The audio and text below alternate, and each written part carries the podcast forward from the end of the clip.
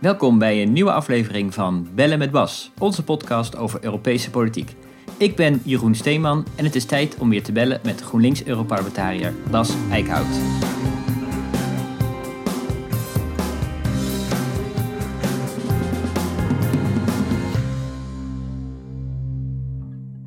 Hey Bas, um, eindelijk is het zover. We hebben bijna een Europese Commissie. 27 kandidaat-commissarissen zijn gehoord door het Europees Parlement. Uh, drie zijn er onderweg gesneuveld, maar het is nu weer, uh, weer compleet. En woensdag stemt het Europees Parlement nu over de totale Europese Commissie. Ja, ja, we zijn zover. Ja, het heeft, het heeft een tijdje geduurd, maar uh, ja, het lijkt, het lijkt het nu dan toch rond te hebben. Dus kan Ursula von der Leyen met een nieuwe ploeg 1 december beginnen. Weg tijd. Ja, precies. Laten we even terugkijken naar, naar het proces zeg maar, van, de, van de afgelopen maanden. Um, we begonnen met commissievoorzitter uh, von der Leyen, die op 10 september um, haar voorstel voor haar uh, Europese Commissie presenteerde. En daarin zaten namen van uh, de kandidaat-commissaris die zij, of die de lidstaten had, hadden voorgedragen, moet ik zeggen. En de zogenaamde mission letters. En die mission letters die zijn echt belangrijk. Kun je uitleggen waarom dat is? Nou ja, in die mission letters wordt eigenlijk gewoon uh, heel duidelijk met, met welk programma die, al die commissarissen zeg maar, uh, eigenlijk het, uh, op pad worden gestuurd. Nou, het is een programma voor vijf jaar, dus in zo'n mission letter staat echt niet elk detail. Maar je krijgt wel heel duidelijk een beeld van wat Van der Leyen wil met een bepaalde portefeuille. En, en in sommige gevallen ook echt al met wat voor concrete wetsvoorstellen zij verwacht van die commissarissen. Dus nou ja, vanuit een Europese politiek wordt, worden die mission letters nou, door heel veel lidstaten en zeker dus ook door Europarlementariërs echt gelezen als oké, dit, dit is de richting van, van waar deze waar deze commissie naartoe gaat en wat deze commissaris op een specifieke portefeuille moet doen. Ja, dat is dus dat is ongelooflijk belangrijk, want dat geeft heel erg aan uh, ja, waar, waar de komende vijf jaar welke richting we kunnen verwachten van, de, van deze commissie. Ja, maar het is natuurlijk in, in principe een, een interessant proces. Ik bedoel, de, de EU-landen die kunnen hun uh, kandidaat-commissarissen voordragen, maar dus de commissievoorzitter bepaalt uh, welke portefeuille ze krijgen en welke opdracht ze krijgen. Ja, ja, kijk, dat is, dat is in ieder geval formeel zo. Er is natuurlijk achter de schermen proberen landen, net zoals het Europees Parlement, die, die, die brieven en het programma te beïnvloeden.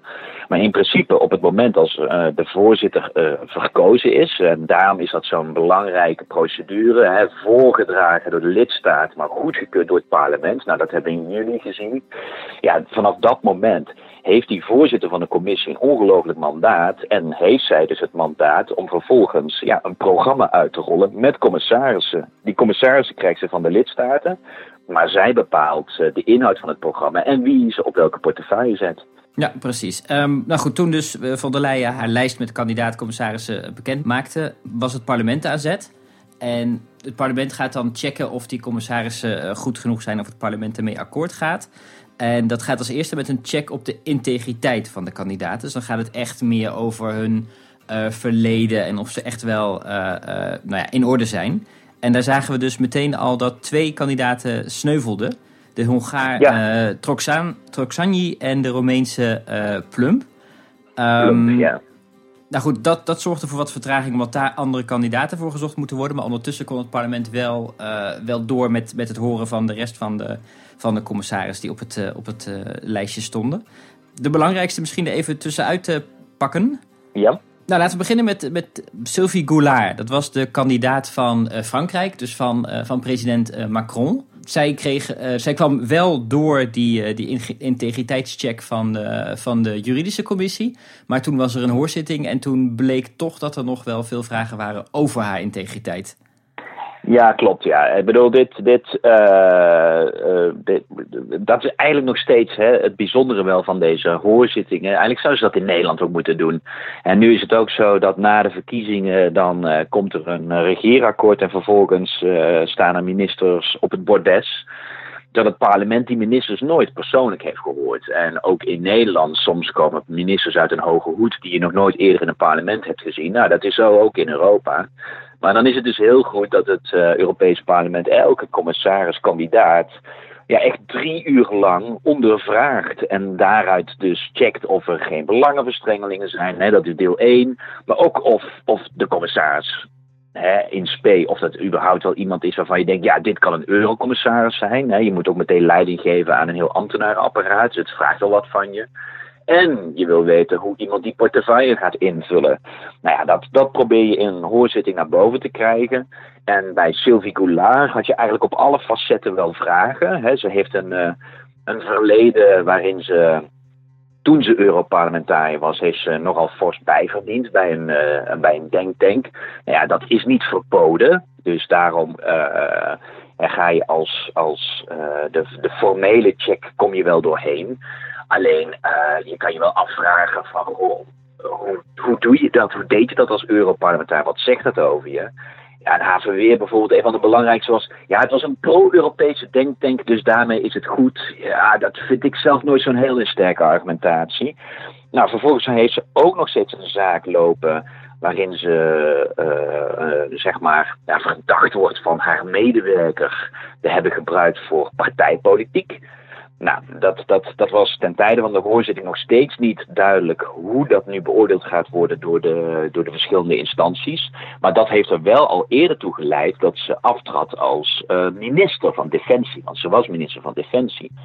En op de vraag van, ja, als je aftreedt als minister van Defensie, waarom kan je er wel eurocommissaris worden? Ja, gaf ze me voornamelijk als antwoord, ja, in Frankrijk hebben we die traditie, in Europa bestaat die traditie niet. Ja, dan geeft dat toch wel heel erg het gevoel dat ze eigenlijk alleen maar is afgetreden omdat het moest. Daar zat geen enkel eigenlijk zelfreflectie in. En dat was in de hele hoorzitting. Ze, ze was heel snel gepikeerd, vond het eigenlijk allemaal onzin. En inhoudelijk, interne markt gaat ze doen. Ja, ook op een aantal groene onderwerpen leek ze daar ook vrij weinig van te begrijpen. Ja, alles bij elkaar was het voor ons duidelijk van met Sylvie Goulart hebben we daar geen sterke commissaris. Zeker niet voor die ongelooflijk belangrijke post, hè, interne markt, digitale markt. Ook defensie, zij zal daar ook eens een belangrijke uh, stap in gaan zetten. Ja, dat, dat, dat alles bij elkaar kregen we gewoon niet het gevoel van hier zit een, uh, een goede, Euro, een goede eurocommissaris. Ja, precies. En dan voor de, voor de Groenen waren dat voornamelijk uh, inhoudelijke argumenten. Um, ook de Christendemocraten en Sociaaldemocraten stemden tegen. Uh, daar zou je nog van kunnen zeggen. Ze wilden de liberale uh, Goulart toch ook laten sneuvelen. Omdat hun twee kandidaten, de Hongaar en de Roemeen, waar we het eerder over gehad hadden, ook al gesneuveld waren. Ja, dat gevoel kreeg ik vooral wel bij de Christendemocraten. De Christendemocraten die gingen helemaal los in de hoorzitting op dat bijverdienen van Sylvie Goulart. Uh, nou, ik kan je melden, de eerste christendemocraat die niet naast zijn huidige functie ook aan het bijverdienen is, moet nog opstaan volgens mij. Uh, dus daar zaten een aantal, uh, met name ook Franse Europarlementariërs, kritiek te uit op Sylvie Goulart, terwijl de, terwijl de boter echt uh, door hun oogharen aan het druipen was. Ja, dat was, dat was geen mooie politiek. Overigens hebben we als Groenen meteen nog gezegd, nou, Misschien moeten we dan maar eens voorstellen om uh, het, het bedrag dat je mag bijverdienen als Europarlementariër te limiteren. En uh, wij verwachten dan volledige steun van de Christendemocraten, omdat ze blijkbaar hier bij Sylvie Goulart een ongelooflijk punt van maakten. Ja, bij de Christendemocraten kreeg je wel het gevoel van hier zit een politieke afrekening. Uh, dat was niet fraai, maar aan de andere kant, ik denk dat uh, het resultaat dat we Sylvie Goulart hebben weggestemd is wel terecht. Ik, ik vond haar optreden in de hoorzitting gewoon niet goed. Ja, nog heel even snel naar haar uh, opvolger, zeg maar. Dus Macron heeft een, een vervanger aangewezen. Dat was uh, Thierry Breton. Uh, die heeft het wel gehaald, maar als Groene hebben we wel ook tegen hem gestemd bij die, na die hoorzittingen. Ja, daar zit, een, daar zit wat mij betreft een, echt, echt een klassieke interne marktdenker. met, waarbij eigenlijk gewoon interne markt is altijd heilig. En op vragen dat er misschien hè, dat er nogal wel eens dilemma's zitten tussen de, bijvoorbeeld de vrijheden van gemeenten. Om bijvoorbeeld uh, iets als Airbnb te gaan reguleren. Hè. In grote steden nogal wat problemen met Airbnb, zoals in Amsterdam. Ja, in Europa wordt dat heel snel gezien als het belemmeren van de interne markt van diensten. Nou, daar zitten gewoon dilemma's. En deze Breton leek heel erg van de oude school te zijn. Interne markt is goed en, en leek, leek deze dilemma's niet eens te zien. Ja, de komende vijf jaar, waarin het heel erg zal moeten gaan over juist die sociale component van Europa. Hè, daar hebben we de hele campagne ook over gehad. Hè. Europa moet sociaal en groen worden. Nou, juist bij interne markt willen wij scherper ook die grenzen van die interne markt uh, laten zien. Ja, dat deze eurocommissaris lijkt je gewoon een beetje een ouderwetse houtdegen te hebben. Ja, dat past niet in onze visie op Europa. En daarom, uh, hè, we moeten altijd twee vragen beantwoorden. Is hij geschikt als eurocommissaris? Ja, waarschijnlijk wel. Is hij geschikt als eurocommissaris op deze post? Was ons antwoord nee. En hebben wij dus inderdaad tegen hem gestemd. Ja.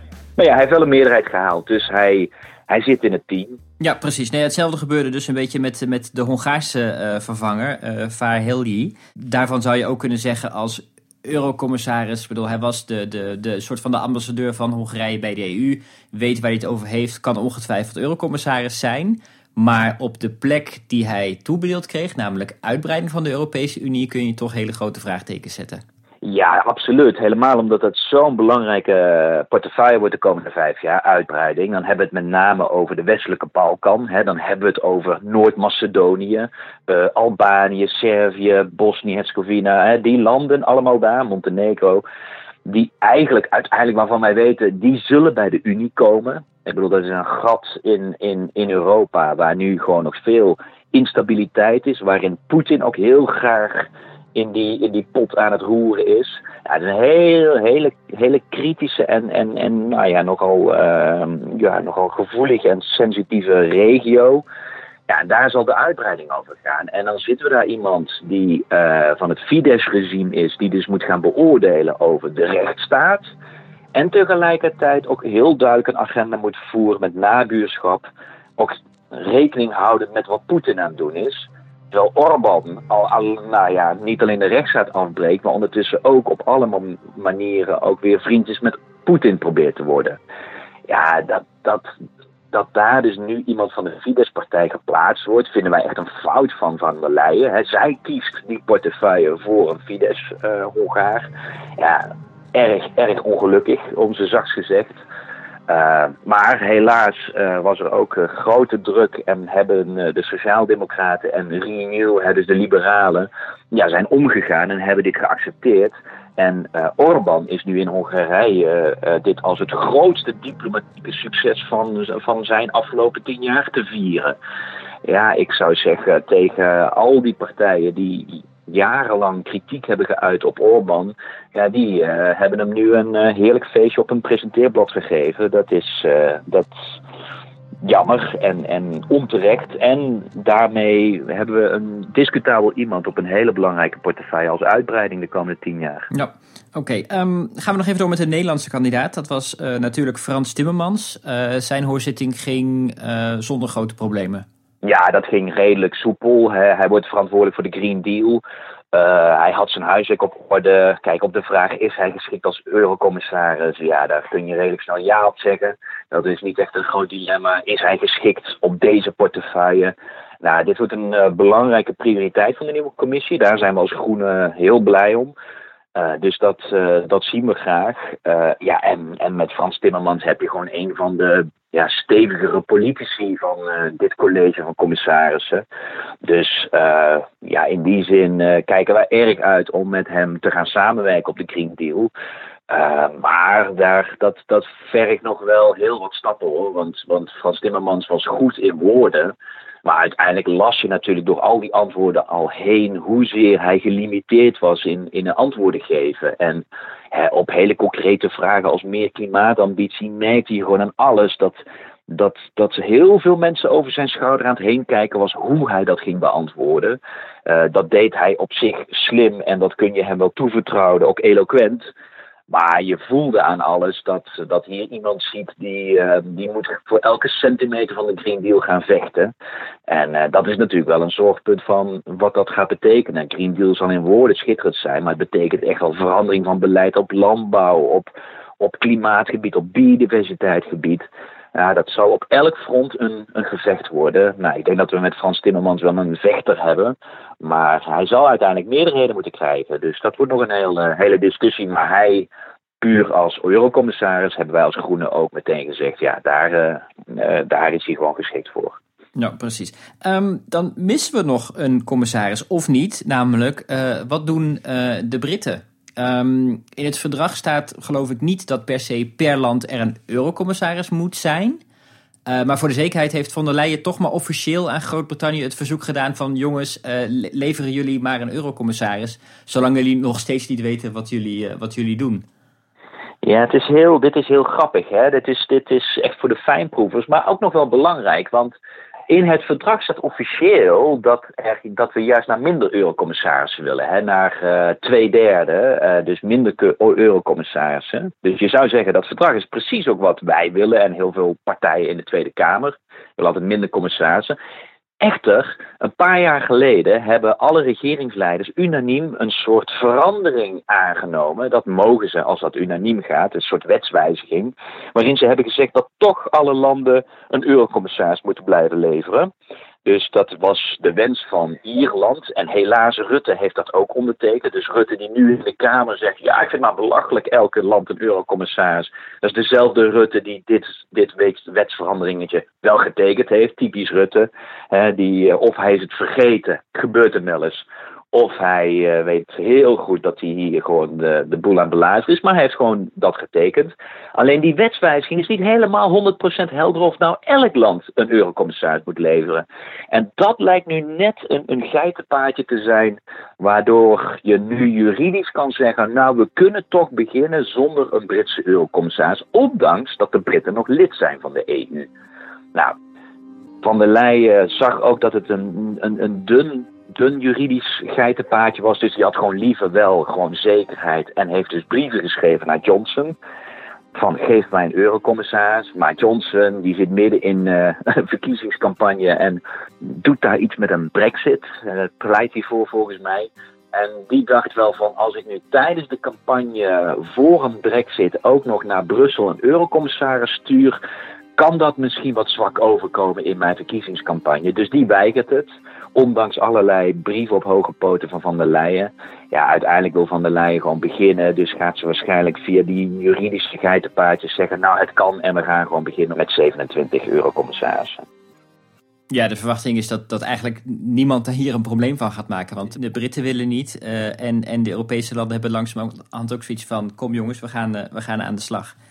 Ja, en ook het Europarlement. Hè. Kijk, het Europarlement kan dit ook weigeren, maar eigenlijk is er een duidelijke meerderheid. Ook, ook wij Groenen hebben zoiets van, ja, willen we nou hierop nog het begin van de nieuwe Eurocommissie laten vertragen? Uh, dat, denk dat dat niemand meer begrijpt. En het is tijd dat de nieuwe commissie gaat beginnen. Dus uh, volgende week in Straatsburg gaan we gewoon stemmen over de nieuwe commissie. En accepteren we dus uh, 27 eurocommissarissen, ondanks dat we 28 lidstaten hebben. Ja, precies. Want woensdag inderdaad is dus de, de, de stemming uh, over dus de hele commissie. je zegt net, naar verwachting komt daar gewoon een meerderheid van. Waar komt haar meerderheid nou precies vandaan? Want kijk, de, de Christendemocraten uh, dat is haar partij, dus dat, dat lijkt me dus inderdaad uh, logisch. Ja. ja, nee, de Christen-Democraten zullen voorstemmen. Uh, dit keer overigens heeft ze gewoon een normale meerderheid nodig. Voor haarzelf in juli had ze een absolute meerderheid nodig. Hè? Dus je hebt 751 Europarlementariërs. En dan heb je dus voor een absolute meerderheid er 376 nodig. Die moest ze hebben. Zelfs als er honderden Europarlementariërs niet aanwezig zouden zijn, dat aantal had ze nodig om ingestemd te worden. Dat is nu anders. Nu is het gewoon de meerderheid van aanwezigen. Dus de, de drempel is al makkelijker om te halen. Dus, dus daarmee uh, is het iets minder spannend dan in juli. Nou ja, de, de Christendemocraten, er waren nog best wel wat mensen ontevreden over Van der Leyen. Want die vonden dat ze in haar speech in juli iets te veel naar groen en naar links ging. Um, ja, dat heeft ze alweer wat hersteld in wat programma programmatische keuzes en op wat strategische plekken wat christendemocratische commissarissen zetten. Dus wij verwachten dat een grote meerderheid, uiteindelijk een grotere meerderheid van christendemocraten nu gewoon voor deze commissie zullen stemmen. Um, dan hebben we Renew van Macron. Um, die waren ja, we weten het niet zeker, want het was een geheime stemming in juli. Maar iedereen toch wel een beetje zo. Allemaal de wandelgangen horend was toch wel het gevoel dat Renew eigenlijk het meest coherent voor Van der Leyen heeft gestemd. Ja, dat verwachten we ook nu weer voor, uh, voor het hele college. En de Sociaaldemocraten, die, uh, nou ja, die zijn her en der gepaaid. om ook akkoord te gaan met dit college. Nou, dan bijvoorbeeld wat, wat, wat naamswijzigingen in portefeuilles. bij een sociaal-democratische commissaris die alleen maar werk had als, als titel krijgt hij nu werk en sociaal. Nou ja, dan zijn de sociaaldemocraten al dolgelukkig dat er zo'n titel wordt veranderd. Dus uh, ja, grote druk dat, dat nu toch meer sociaaldemocraten aan boord zullen komen. Ja, daarmee heb je wel eigenlijk al je meerderheid bijna rond. Maar je zegt bijna. Bedoel, de kans is dat er nog wat. Um, we hebben natuurlijk nog de, de Poolse Conservatieve Partij die nog uh, boven de markt hangt, volgens mij. Ja, ja, die hebben, die hebben hun commissaris er ook doorheen weten te krijgen voor landbouw. Dus de kans is dat zij dan ook voor zullen stemmen. Uh, ja, bijvoorbeeld de Tories zullen niet stemmen. Dus, dus ik bedoel, er zullen een aantal mensen niet stemmen. En dat maakt het nu weer wat makkelijker. Dus, want wat ik zei, ze hoeft nu alleen maar een meerderheid te halen. Dus ja, uh, ik zeg waarschijnlijk omdat je altijd een. Het blijft een politieke stemming, dus je weet het nooit zeker. Maar kijk, ik, ik, durfde, ik durfde wel een goede fles wijn op te zetten dat ze het gaat halen. Oké, en de, de steun van de Groenen, kan ze daarop rekenen? Wat, um, wat, wat kun je daarvan zeggen? Ja, nou, kijk, het, het, politieke antwoord is dan natuurlijk, dat moeten we nog in de fractie bespreken. Maar dat is een beetje onzin, want ik heb ondertussen, uh, hebben natuurlijk al gesprekken gehad en ik weet wel een beetje waar de fractie naartoe gaat. Uh, er is een, er is een uh, kijk, we hebben tegen Van der Leyen gestemd om hele goede redenen. Uh, hè, dat had mee te maken. Ze kwam uit de hoge hoed. eigenlijk totaal het hele spitsenkandidatenproces te niet doen. Ehm, inhoudelijk was ze niet overtuigend op haar ene speech na. Maar goed, als groene fractie ga je niet op basis van een speech in één keer zeggen: Nou, prachtige speech en blauwe ogen. Hop, we gaan, we gaan je vertrouwen. Dus daar hebben we tegen gestemd. Sindsdien is er natuurlijk wel veel gebeurd. Ze heeft, uh, ze heeft veel ook natuurlijk benaderingen naar ons gemaakt. Ze heeft met die Green Deal heeft ze echt wel een, een, een groene belofte neergelegd. Door daar Timmermans op te zetten, heb je daar ook, wat ik zei, een stevige politicus op zitten. Uh, we hebben ook een groene commissaris die biodiversiteit uh, en, en eigenlijk het hele milieuportefeuille gaat doen. Dus puur op de groene portefeuille zijn wij echt wel positiever geworden. Maar goed, je hebt ons ook gehoord. Hè? Je hebt me ook gehoord. De kritiek op uh, uitbreiding. Uh, sociaal is niet sterk uh, bemenst. dus, dus, en, en op de hele migratie en vluchtelingen is het toch erg business as usual. En dat was nou niet wat wij wilden zien. ja, dan, dan, dat zijn weer de negatieve punten. Dus waarschijnlijk zal de groene fractie toch meer in de richting gaan van... we gaan niet wederom tegenstemmen, maar het is nu nog wel te vroeg voor een voorstem. Nou ja, dan heb je politiek altijd de mogelijkheid tot een onthouding, waarin wij heel expliciet dat doen om aan te geven van oké, wij zijn verschoven naar een iets positievere grondhouding, maar het is nog te vroeg om ons blind vertrouwen te geven en daar zal ze echt voor moeten werken de komende maanden.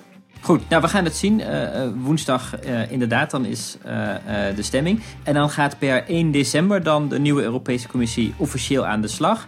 En het is nou net precies op tijd, zodat uh, Frans Timmermans dan als nieuwe klimaatcommissaris naar zijn eerste uh, klimaattop kan gaan. Um, ja, daar, ja, daar ben jij ook bij natuurlijk, uh, Bas. Um, en deze keer ben je zelfs delegatieleider namens het hele Europees Parlement.